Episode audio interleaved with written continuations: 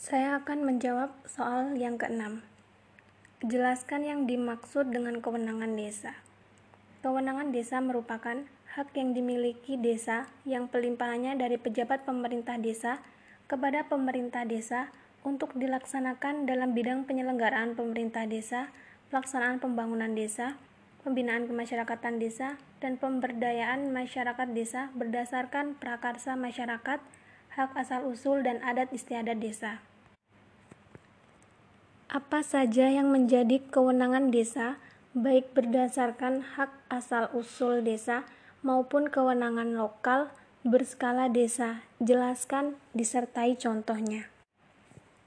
Kewenangan berdasarkan hak asal-usul terbagi menjadi dua subjek, yaitu asal-usul desa dan asal-usul desa adat. Cakupannya, hak asal-usul merupakan warisan yang masih hidup dan prakarsa desa atau prakarsa masyarakat desa sesuai dengan perkembangan kehidupan masyarakat. Menurut PP nomor 43 tahun 2014, poin pertama, sistem organisasi masyarakat adat, yang kedua, pembinaan kelembagaan masyarakat, yang ketiga, pengelolaan tanah kas desa, yang keempat, pengembangan peran masyarakat desa. Permen Desa nomor 1 tahun 2015 tentang asal-usul desa. Meliputi yang pertama, sistem organisasi perangkat desa, yang kedua, sistem organisasi masyarakat adat, yang ketiga, pembinaan kelembagaan masyarakat, yang keempat, pengelolaan tanah bang bengkok, yang kelima, pengembangan peran masyarakat, dan lain sebagainya.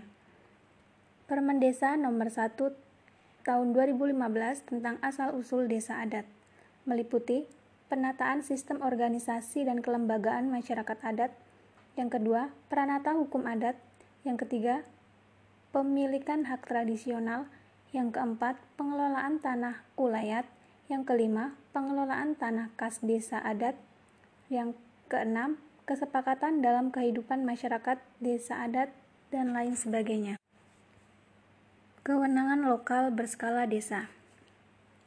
Cakupannya kewenangan untuk mengatur dan mengurus kepentingan masyarakat desa yang telah dijalankan oleh desa atau mampu dan efektif dijalankan oleh desa atau yang muncul karena perkembangan desa dan prakarsa masyarakat desa. Terbagi menjadi empat bidang. Yang pertama, pemerintahan desa. Yang kedua, pembangunan desa yang ketiga, kemasyarakatan desa, yang keempat, pemberdayaan masyarakat desa. Menurut PP nomor 43 tahun 2014,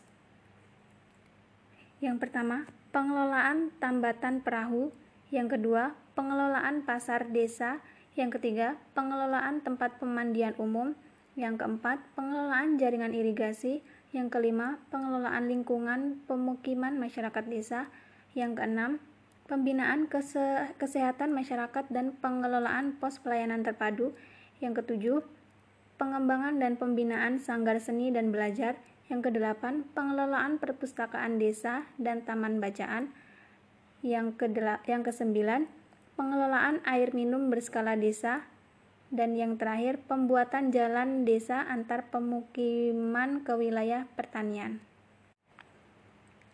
Permen Desa nomor 1 tahun 2015 meliputi yang pertama, penetapan organisasi pemerintah desa, yang kedua, pembentukan badan permusyawaratan desa, yang ketiga, penetapan perangkat desa, dan lain sebagainya.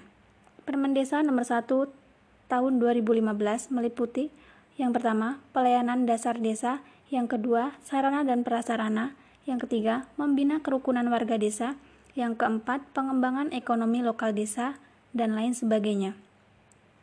Permen Desa nomor 1 tahun 2015 meliputi yang pertama, membina keamanan, ketertiban, yang kedua, ketentraman wilayah dan masyarakat, yang ketiga, membina kerukunan warga desa, yang keempat, memelihara perdamaian, menangani konflik dan melakukan mediasi, dan lain sebagainya.